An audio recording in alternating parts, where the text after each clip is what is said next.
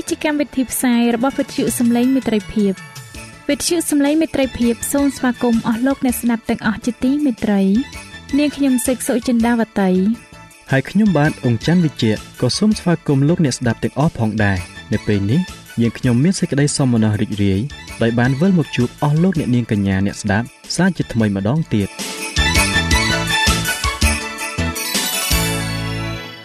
នាងខ្ញុំសេកសុចិន្តាវតី សូមជម្រាបជូនកម្មវិធីផ្សាយដែលមានជាបន្តបន្ទាប់ដូចតទៅនេតិជួបជាមួយព្រះបន្ទូលនេតិសុខភាពចា៎លោកអ្នកស្ដាប់ជាទីមេត្រី នាងខ្ញុំសូមគោរពអញ្ជើញអស់លោកលោកស្រីអ្នកនាងកញ្ញាតាមដានស្ដាប់កម្មវិធីផ្សាយរបស់វិទ្យុយើងខ្ញុំដូចតទៅ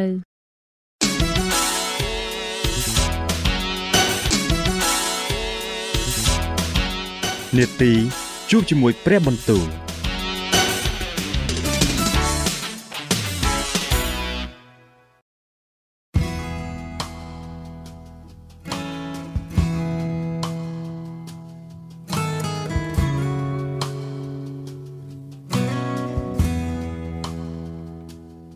ចា៎អស់លោកអ្នកស្ដាប់ជាទីមេត្រី ជាដំបូងនាងខ្ញុំសូមអញ្ជើញលោកអ្នកនាងស្ដាប់នេតិជួបជាមួយព្រះបន្ទូលនេតិនេះ នឹងលើកយកព្រះបន្ទូល ពីព្រះគម្ពីរយោបដែលនឹងជម្រាបជូនដល់លោកអង្ចាន់វិជ្ជៈដូចតទៅ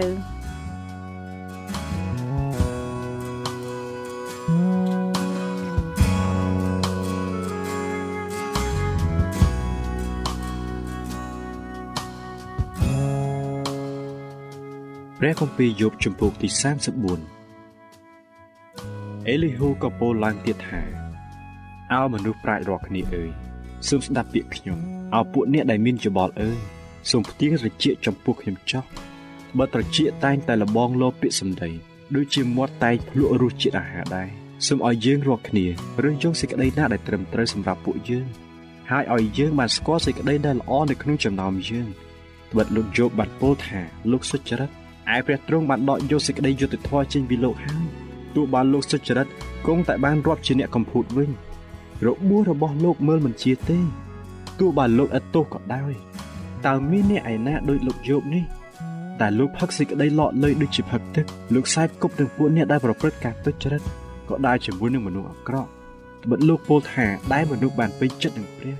នោះគ្មានប្រយោជន៍សោះដូច្នេះអោមនុស្សមានយោបល់អើយសូមស្ដាប់ខ្ញុំចោះកុំឲ្យយើងថាព្រះទ្រង់ធ្វើអាក្រក់ឬថាព្រះដ៏មានគ្រប់វិជាស្ដាទ្រង់ប្រព្រឹត្តសេចក្តីទុច្ចរិតនោះឡើយ បើទ្រង់នឹងសងដល់មនុស្សតាមការដែលគេធ្វើហើយនឹងឲ្យគ្រប់គ្នាបានទទួលតាមផ្លូវរបស់ខ្លួនអាពិតប្រកបជាព្រះទ្រង់មិនដែលប្រព្រឹត្តអាក្រក់ឡើយព្រះដ៏មានគ្រប់ប្រជាស្ដាទ្រង់នឹងមិនបង្វែរសេចក្តីយុត្តិធម៌ដែរតើអ្នកណាបានតម្រូវឲ្យទ្រង់គ្រប់គ្រងផែនដី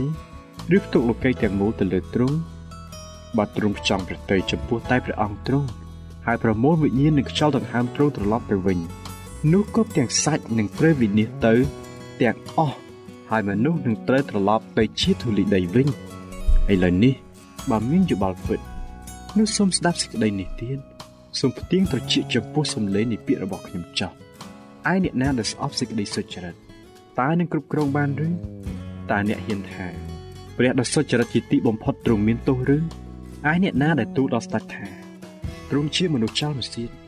ឬចំពោះពួកត្រកូលខ្ពស់ថាលោករកគ្នាជាមនុស្សអាក្រក់ អ្នកណាដែលមិនកោតខ្លាចដល់ពួកអ្នកជាប្រធានឬមិនយល់ដល់ពួកអ្នកដែលមានជាអ្នកក្រដោយព្រោះគេសុទ្ធតែជាការនៃព្រះហស្ថទ្រង់ធ្វើទាំងអស់អ្នកនោះនឹងត្រូវស្លាប់ទៅក្នុងមួយរំពេចភ្លាមនៅកណ្ដាលអាត្រីពួកជននឹងរន្ធត់ហើយបាត់ទៅឯមនុស្សសំខាន់សំខាន់ក៏ត្រូវដកចេញទៅដោយឥតមានដៃអ្នកណាធ្វើដែររីឯព្រះនេតទ្រង់បានទូតមើលគ្រប់ទាំងផ្លូវរបស់មនុស្ស ក៏ឃើញអស់ទាំងដំណើរដែលគេដើរដែរគ្មានទីងងឹតឬមលុបយ៉ាងក្រាស់ហើយណា ដែលពួកអ្នកប្រព្រឹត្តការទុច្ចរិតនឹងពួនខ្លួនបានទេបិទព្រះមិនចាំបាច់ពិចារណាមើលមនុស្សជាយូរឲ្យបានកោះនាំគេមកជំនុំជម្រះនៅចំពោះទ្រង់នោះទេទ្រង់សង្ហាមនុស្សសំខាន់សំខាន់បែបរកយល់មិនបានរួចទ្រង់តាំងម្នាក់ទៀតឡើងជំនួសគេ គឺដោយព្រោះទ្រង់ជិតអស់ទាំងអំពើរបស់គេ ទ្រង់ក៏ធ្វើឲ្យការទាំងនោះត្រឡប់ត្រលិនឲ្យគេវិនិច្ឆ័យទៅទ្រង់ប្រហារគេទុកដូចជាមនុស្សអាក្រក់នៅកណ្ដាលជំនុំចំពោះមុខគេដោយព្រោះគេ បានបែកចេញមិនតាមទ្រង់ទៀតហើយមិនប្រព្រឹត្តតាមផ្លូវណាមួយរបស់ទ្រង់ឡើយដល់ម្លេះបានជាគេបណ្ដាលឲ្យដំងោរបស់មនុស្សក្រីក្រ បានលឺទៅដល់ទ្រង់ទ្រង់ក៏បានលឺសម្រែករបស់មនុស្សដែលត្រូវសង្កត់សង្កិនដែរកាលណាទ្រង់ប្រោះឲ្យមានសេចក្តីស្រាក់ស្រានហើយ នោះតើអ្នកណានឹងបណ្ដាលឲ្យកម្រើកឡើងទៀតបាន កាលណាទ្រង់លាក់ព្រះភ័ក្រនោះតើអ្នកណានឹងមើលទ្រង់ឃើញហើយនេះក៏ដូចគ្នាទោះបាននិយាយចំពោះនគរទាំងមូលឬចំពោះមនុស្សតែម្នាក់ក្តីដើម្បីកុំឲ្យមនុស្សធ្មើលល្មើសបានគ្រប់គ្រងឡើយប្រយោជន៍កុំឲ្យមានអ្នកណាដាក់អន្ទាក់ចាប់ពួកជនឡើយត្បិតគួរឲ្យទូលដល់ព្រះថាទូបង្គំបានទ្រាំរងទោសហើយទូបង្គំលែងធ្វើខុសទៀត បទណាដែលទូបង្គំមិនដឹងនោះសូមទ្រង់បង្រៀនដល់ទូបង្គំផងបើទូបង្គំបានប្រព្រឹត្តអំពើទុច្ចរិតនោះទូបង្គំនឹងមិនធ្វើទៀតទេតែទ្រង់ប្រទាននឹងវត្តមកឲ្យត្រូវតាមបំណងចិត្តលោកឬបានជាលោកមិនព្រមទទួលដូច្នេះឯការដែលទទួលឬមិនទទួលនោះស្រេចនៅលោកមិនមែនស្រេចនៅខ្ញុំទេដូច្នេះសេចក្តីដែលលោកជ្រាបសូមពោលមកចុះឯមនុស្សដែលមានជាបងគេនឹងនិយាយមកខ្ញុំ អើគ្រប់ទាំងមនុស្សមានប្រាជ្ញា ដែលស្ដាប់ខ្ញុំគេនឹងថា លោកយោពោលពីឥតបកគិតសេចក្តីរបស់លោកឥតខ្លឹមសារផងខ្ញុំចូលចិត្តឲ្យលោកយប់ទ្រាំរងសេចក្តីល្បួងរហូតដល់ចុងឲ្យព្រួយចម្លើយរបស់លោកប្រៀបដូចជាពាក្យពោលរបស់មនុស្សអាក្រក់ត្បិតលោកបន្ថែមសេចក្តីបះបោរទៅលើអំពើបាបរបស់លោកទៀតលោកទះដៃបង្អាប់នៅកណ្ដាលពួកយើងហើយក៏ចម្រើនពាក្យពោលទាស់នឹងព្រះផង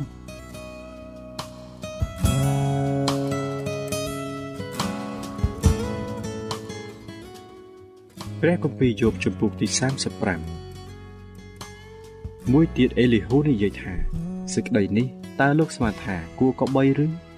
ដែលលោកចង់ថាសេចក្តីសុចរិតរបស់លោកនោះលើសជាសេចក្តីសុចរិតរបស់ព្រះដោយពាក្យថាតើមានប្រយោជន៍អ្វីដល់ខ្ញុំហើយបើខ្ញុំមិនបានធ្វើបាបនោះតើនឹងបានកម្រៃជាជាងយ៉ាងណាទៅខ្ញុំនឹងតបឆ្លើយដល់លោកហើយដល់ពួកម៉ាក់របស់លោកនេះដែរសូមពិចារណាមើលស្ថានសួគ៌ចុះ ហើយរំពឹងមើលផ្ទៃមេឃដែលខ្ពស់ជាងលោកជាយ៉ាងណា បើលោកបានធ្វើបាបនោះតើលោកបានធ្វើឲ្យដាបដល់ទ្រង់យ៉ាងណាខ្លះបើអំពើរំលងរបស់លោកបានចម្រើនកាន់តែច្រើនឡើងនោះតើលោកបានធ្វើឲ្យដាបដល់ទ្រង់ជាយ៉ាងណាឬបើលោកសុចរិតវិញនោះតើលោកបានបន្ថែមអ្វីដល់ទ្រង់ឬទ្រង់ទទួលអ្វីពីដៃលោកអំពើអាក្រក់របស់លោកអាចនឹងធ្វើបង្ខូចដល់អ្នកដទៃបាន ជាមនុស្សដូចជាលោកដែរ ហើយសេចក្តីសុចរិតរបស់លោកនឹងមានប្រយោជន៍ដល់កូនរបស់មនុស្សដទៃបានដែរមានគេធ្ងោដោយព្រោះសេចក្តីសង្កត់សង្កិនយ៉ាងសន្ធឹកក៏មានគេស្រែករកមនុស្សជួយ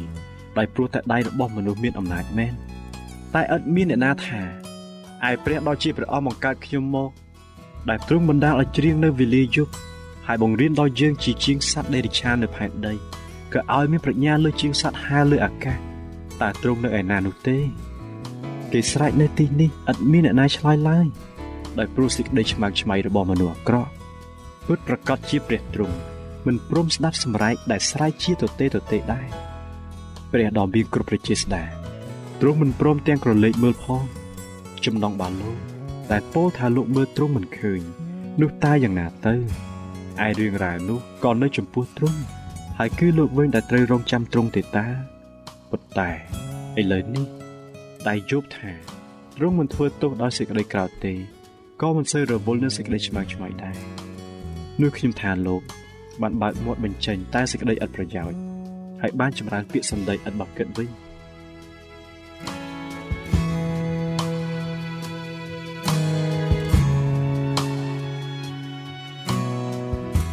ចា៎ប្រិយមិត្តអ្នកស្ដាប់ជាទីមេត្រី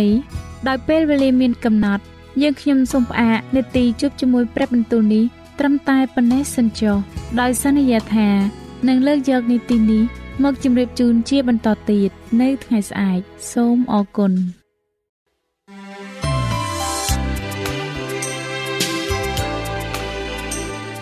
វិទ្យុសំឡេងមេត្រីភាព AWR នាំមកជូនលោកអ្នកនៅសារនៃសេចក្តីស្រឡាញ់ពីព្រះអង្គម្ចាស់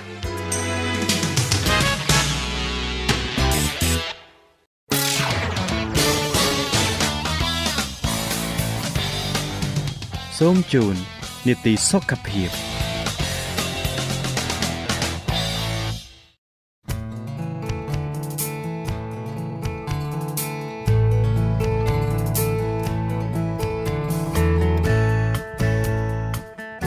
ចា៎នៅក្នុងនីតិសុខភាពនៅថ្ងៃនេះនាងខ្ញុំសូមគោរពអញ្ជើញអស់លោកអ្នកនាងតាមដានស្ដាប់មេរៀនសុខភាពដែលនឹងជម្រាបជូនដោយកញ្ញាឌីណាដូចតទៅ។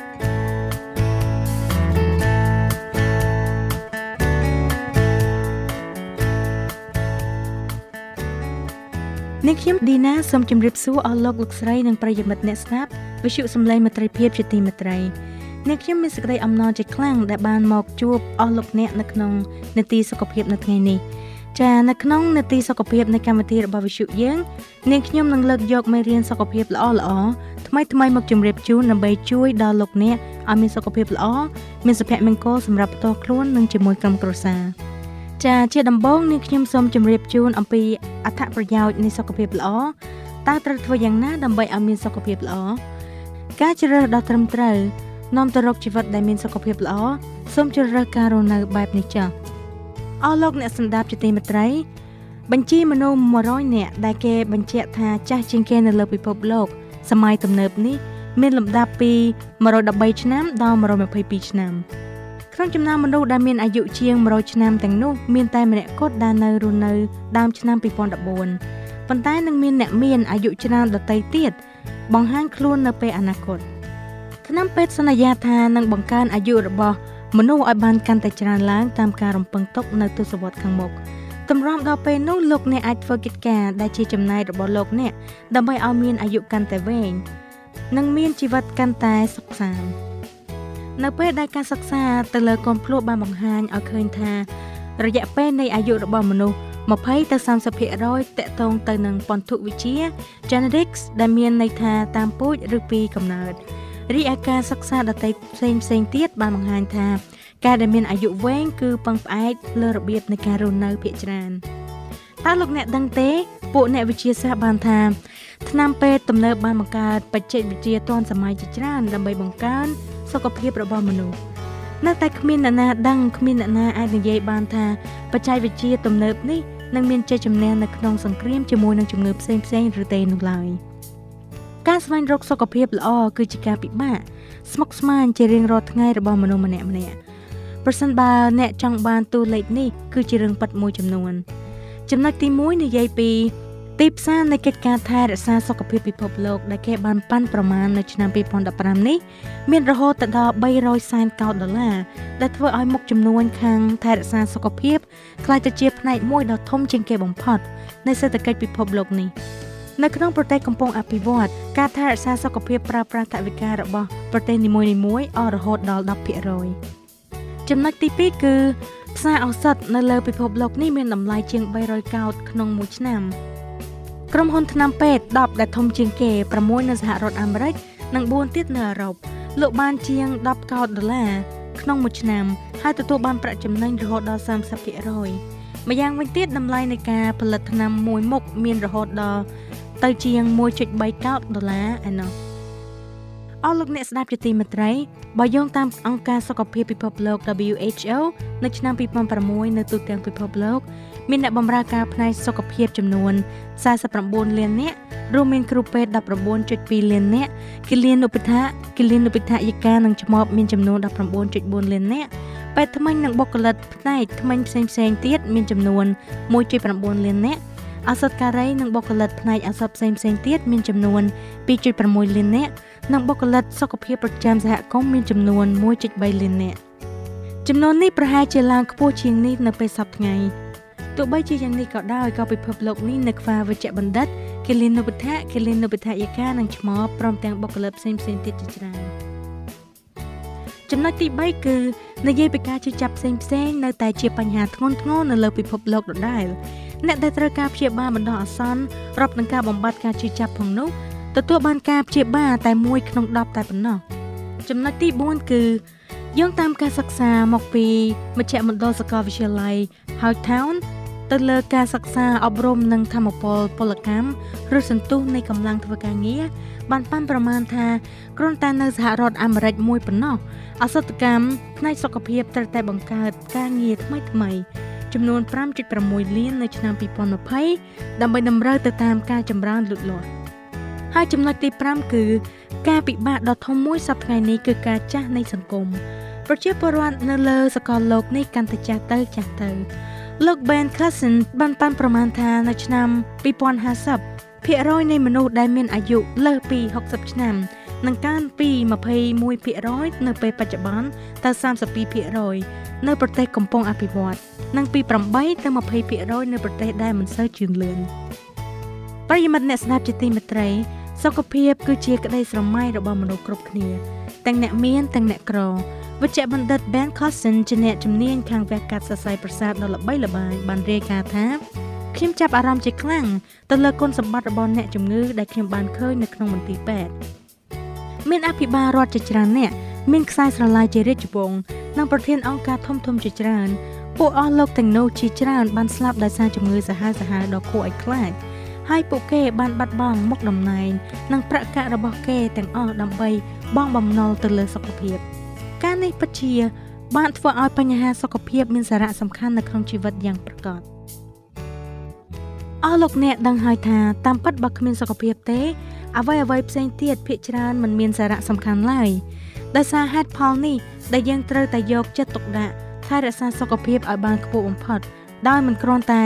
ព្រួយបារម្ភនៅពេលមានជំងឺគំរាមកំហែងប៉ុណ្ណោះឡើយ។ហើយនៅពេលដែលយើងនិយាយអំពីសុខភាពយើងត្រូវតែគិតមិនត្រឹមតែសារៈសំខាន់របស់សុខភាពខាងរាងកាយប៉ុណ្ណោះទេប៉ុន្តែត្រូវគិតអំពីលក្ខណៈរបស់សុខភាពខាងផ្លូវចិត្តនិងប្រលឹងវិញ្ញាណរបស់យើងផងដែរអស់លោកអ្នកបានដឹងស្រាប់ហើយកតាបកិច្ចរបស់យើងគឺធ្វើឲ្យជីវិតរបស់យើងផ្ទាល់និងជីវិតរបស់មនុស្សទាំងឡាយ ក្នុងក្រុមគ្រួសារយើងផ្ទាល់និងនៅលើពិភពលោកនេះបានល្អប្រសើរឡើងទាំង3ផ្នែកខាងលើនេះគឺទី1សុខភាពផ្លូវកាយនិងទី2គឺសុខភាពខាងផ្លូវចិត្តឬផ្លូវអារម្មណ៍និងទី3គឺសុខភាពខាងប្រលឹងវិញ្ញាណ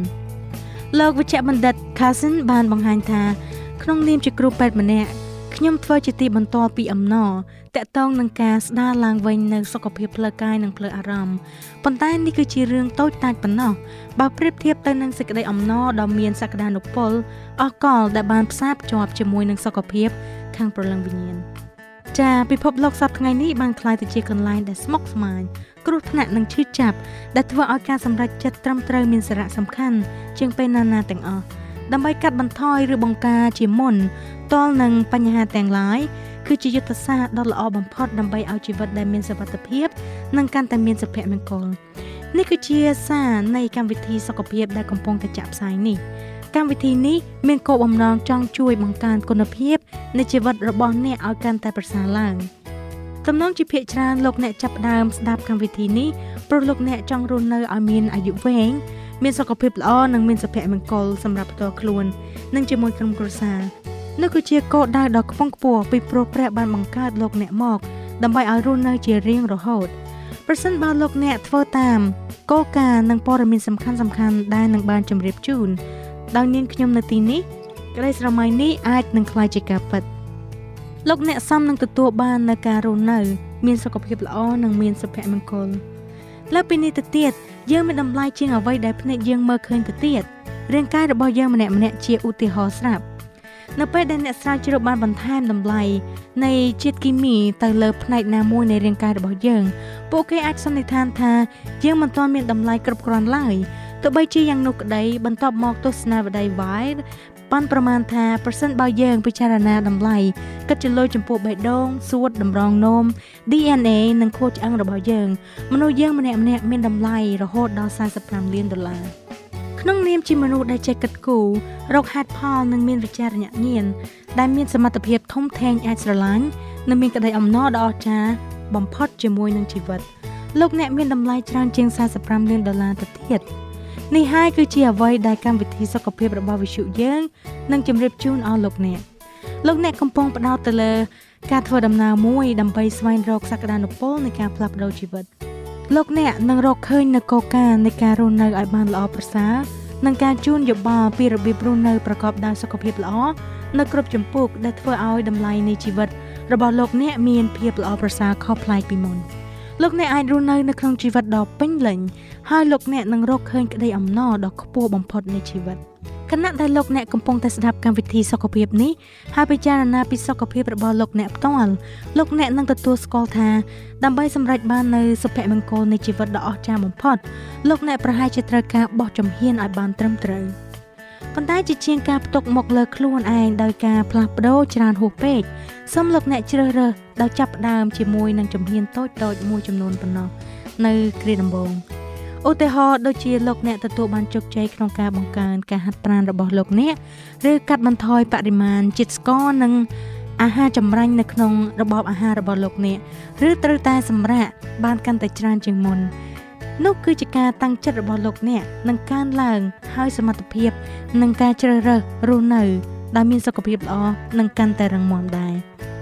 សុខភាពល្អគឺជាសភាវៈមួយដែលយើងគ្រប់គ្នាប្រាថ្នាចង់បាន ប៉ុន្តែគួរឲ្យស្ដាយមនុស្សជាច្រើនបានទទួលស្គាល់តម្លៃនិងគុណសម្បត្តិរបស់សុខភាពល្អនេះនៅពេលដែលពួកគេបានបាត់បង់សុខភាពនេះរួចទៅហើយនេះគឺជាឱកាសសម្រាប់លោកអ្នកវាតម្លៃសុខភាពនិងរបៀបរស់នៅរបស់លោកអ្នកដោយប្រុងប្រយ័ត្នមិនមែនគ្រាន់តែធ្វើការតាំងចិត្តដល់ប្រញាប់ប្រញាល់មួយចំនួនរួចហើយចេញតាមបង្អួចបាត់ទៅវិញនោះទេតើលោកអ្នកគិតថាអ្នកកំពុងតែមានជីវិតល្អបំផុតនៅគ្រប់ផ្នែកទាំងអស់នៃជីវិតឬទេ ថ្មីថ្មីនេះតើលោកអ្នកបានវិតម្លៃសុខភាពរបស់លោកអ្នកទាំងមូលរួមទាំងផ្នែករាងកាយផ្នែកគំនិតផ្នែកសង្គមនិងប្រលឹងវិញ្ញាណដែរឬទេលោកអ្នកអាចសន្មតថាអ្នកចាត់ចែងទម្លាប់នៃការបរិភោគការបំពេញការងារនិងការទទួលទានដំណេករបស់លោកអ្នកបានយ៉ាងល្អហើយតើលោកអ្នកមានអំណរជាមួយនឹងគុណភាពពិតប្រាកដនៃជីវិតដែរឬទេតើលោកអ្នកធ្លាប់ពិចារណាថាលោកអ្នកអាចនឹងមានជីវិតរីករាយជាងពេលបច្ចុប្បន្ននេះដែរឬទេ អស់លោកអ្នកស្ដាប់ជាទីមេត្រីជាបន្តទៅទៀតនាងខ្ញុំសូមងាកមកជម្រាបជូនដល់អស់លោកអ្នកស្ដាប់ពីការរីកចម្រើនផ្នែកវិទ្យាសាស្ត្រឬផ្នែកពេទ្យវិញម្ដងនៅក្នុងអំឡុងសតវត្សទី20វិទ្យាសាស្ត្រខាងវិទ្យាសាស្ត្របានបោះជំហានយ៉ាងវែងឆ្ពោះទៅរកកំណើននៃសុខភាពល្អខណៈដែលការយល់ដឹងរបស់ខ្លួនពីដំណើរការសេរីវិទ្យានិងជំងឺកើនឡើងការលូតលាស់ផ្នែកសុខាភិបាលសាធារណៈ ដែលបានបង្កើនអនាម័យប្រព័ន្ធលូបង្ហូរទឹកស្អុយនិងការផ្ដល់ទឹកស្អាតជូនដល់សហគមន៍ឲ្យបានល្អប្រសើរមានឥទ្ធិពលវិជ្ជមានទៅលើទាំងគុណភាព និងភាពយឺនយូរនៃជីវិតមនុស្សរាប់លាននាក់ការបង្កើនការចាក់ថ្នាំបង្ការនិងការចាក់ថ្នាំបណ្ដោះភាពស៊ាំនិងមេរោគឬហៅថាការចាក់វ៉ាក់សាំងគឺជាវិធីដ៏មានប្រសិទ្ធភាពដែលមានតម្លៃខ្ពស់បំផុតក្នុងការការពារនិងជំងឺឆ្លងផ្សេងៗ ដូចជាការកម្ចាត់ជំងឺអុតធំឲ្យអស់រលីងនៅចុងសតវត្សទី20និងការថយចុះយ៉ាងខ្លាំងពីការរាតត្បាតនៃជំងឺស្វិតដៃជើងនិងជំងឺខាន់ស្លាក់ជាដើមរបាយការណ៍បានឲ្យដឹងថាករណីជំងឺកញ្ជ្រឹលស្អូចតេតាណូសនិងខាន់ស្លាក់បានធ្លាក់ចុះប្រហែល90%ដោយសារតែការចាក់ថ្នាំបណ្ដោះភាពស៊ាំនឹងមេរោគឬហៅថាការចាក់ថ្នាំវ៉ាក់សាំងនេះឯង ជំងឺឆ្លងផ្សេងផ្សេងតាមមេរោគឬតាមរយៈការតាក់ទងគ្នា ដែលរីករាលដាលដោយបាក់តេរី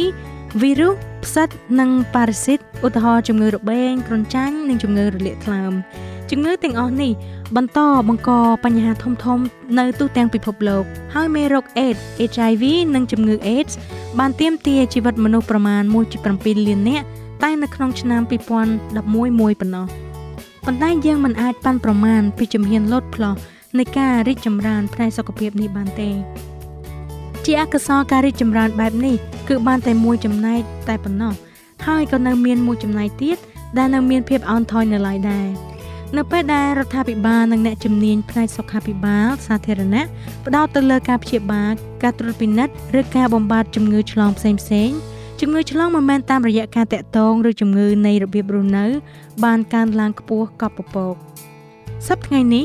ជំងឺដែលឆ្លងបែបនេះបានសំងំលាក់ខ្លួននៅក្នុងគ្រប់សង្គមទាំងអស់នៃពិភពលោក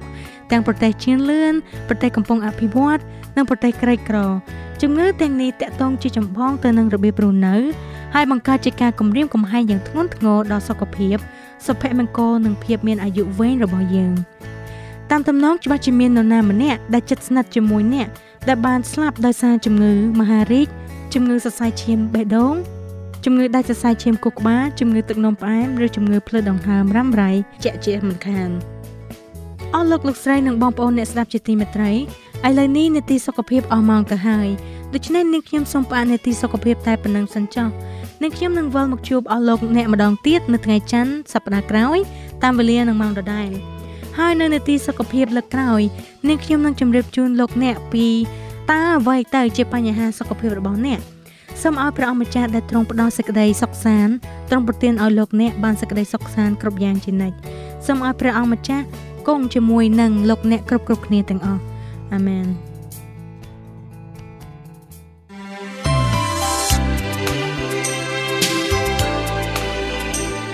វិទ្យុសំឡេងមេត្រីភាព AWR មានផ្សាយពីរដងក្នុងមួយថ្ងៃគឺព្រឹកនៅម៉ោង6និងពេលយប់នៅម៉ោង8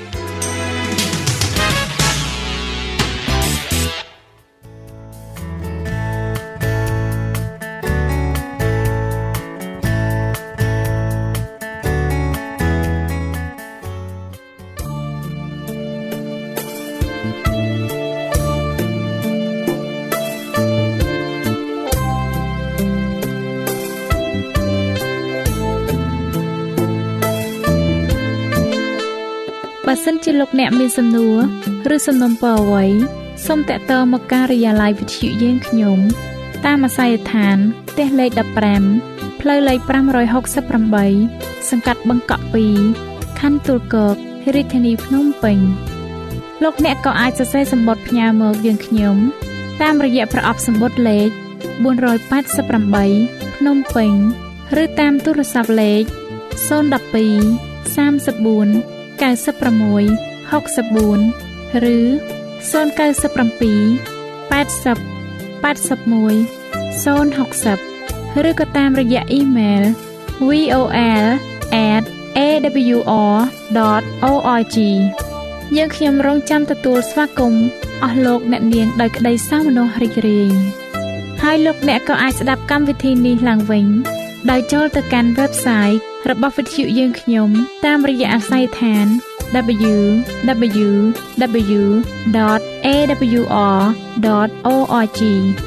លោកអ្នកនាងកញ្ញាជាទីមេត្រី កម្មវិធីផ្សាយរបស់វិទ្យុសំឡេងមេត្រីភាពនៅពេលនេះសូមបញ្ចប់តែប៉ុណ្ណេះយើងខ្ញុំសូមអរគុណចំពោះការតាមដានស្ដាប់របស់អស់លោកអ្នកតាំងពីដើមរហូតដល់ចប់យើងខ្ញុំសូមជូនពរឲ្យអស់លោកអ្នកនាងកញ្ញាទាំងអស់បានចម្រើនឡើងក្នុងព្រះគុណព្រះអង្គម្ចាស់ហើយក្នុងការទទួលយកព្រះយេស៊ូវគ្រីស្ទជាព្រះអង្គម្ចាស់ និងជាព្រះអង្គសង្គ្រោះនៃយើងរាល់គ្នានាទីផ្សាយរបស់វិទ្យុយើងខ្ញុំនឹងវិលមកជួបអស់លោកអ្នកសាជាថ្មីម្ដងទៀតនៅថ្ងៃស្អែកវេលាម៉ោងដដែលនាងខ្ញុំសេកសុចិន្តាវតីនិងខ្ញុំបាទអ៊ំច័ន្ទវិជ្ជៈសូមអរគុណសូមជម្រាបលា